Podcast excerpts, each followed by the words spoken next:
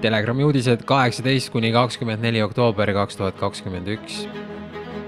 eelmisel nädalal keerati Läti karmilt lukku, kehtestades seal koguni komandanditunni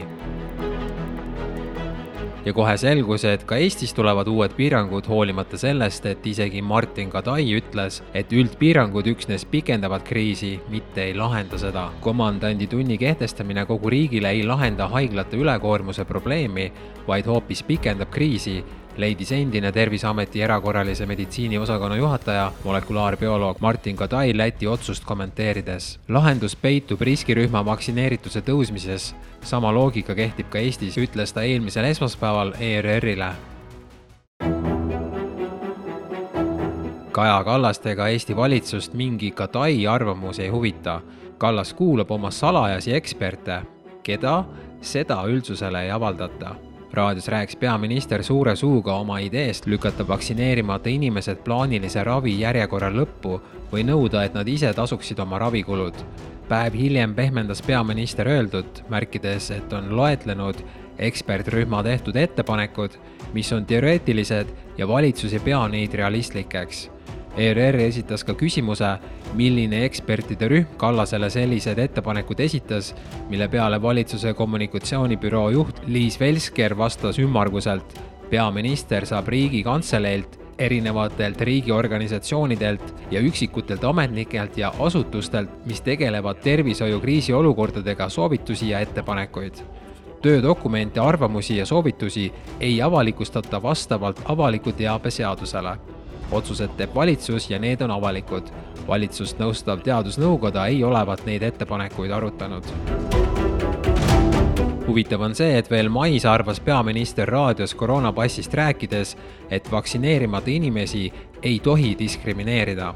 üksteist mai kaks tuhat kakskümmend üks peaminister Kaja Kallase sõnul ei tohi tekkida olukorda, kus vaktsineeritud inimestel on rohkem õigusi kui vaktsineerimata inimestel. me ei tohi teha sellist olukorda, kus ühtedel inimestel on justkui rohkem õigusi kui teistel inimestel lihtsalt sellest tulenevalt, et nad on vaktsineeritud. üheksateist oktoober kaks tuhat kakskümmend üks, alates esmaspäevast, kahekümne viiendast oktoobrist kõigis kohtades, kuhu siiani on pääsenud koroonatõendi alusel kuni minimaalselt kümnenda jaanuarini ei pääse enam negatiivse testiga, vaid ainult vaktsineerimise või läbipõdemise tõendiga, tutvustas peaminister Kaja Kallas. ei äh, pääse äh, sinna siis äh, enam negatiivse testiga. antud juhtumit illustreerib kenasti ka kahe tuhande kahekümne esimese aasta populaarsem anekdoot.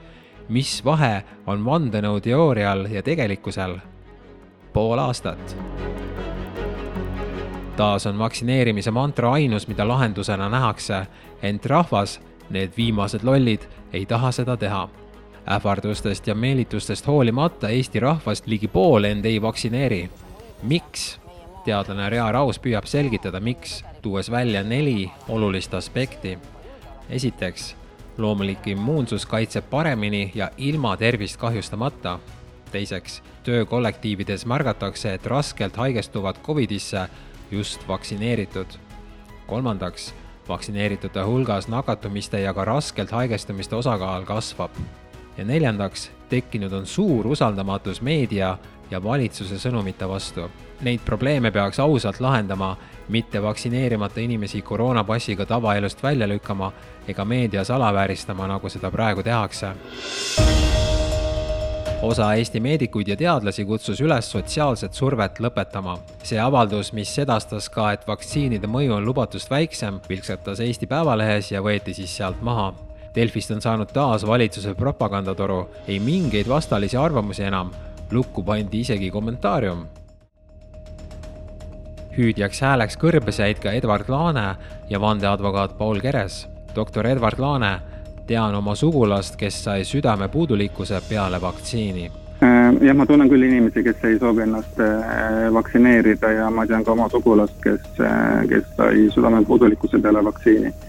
Laane rõhutas, et vaktsineerimisest rääkides ei saa kaugeltki kõiki inimesi ühe vitsaga lüüa, vaid tuleb asjaolusid detailsemalt analüüsida. vaktsineerimist ta soovitab, eriti riskirühmadele, lõplik otsus olgu aga inimese enda teha vandeadvokaat Paul Keres valitsuse uued piirangud ei ole piisavalt põhjendatud. valitsus kehtestab piiranguid üldkorraldusega, mis on haldusakt. kui haldusakt tehakse eelnevalt teatavaks ja pärast tuuakse sinna põhjendused järele, siis minu arvates see päris hästi hea haldustavaga kooskõlas ei ole, selgitas Keres. tema sõnul oleks õigem piirangud kehtestada juba korrektselt dokumendiga ja lisada põhjendused sellesse samasse dokumenti. kas valitsus testib avalikkust, küsis ta surve suurenedes kasvab rahva rahulolematus.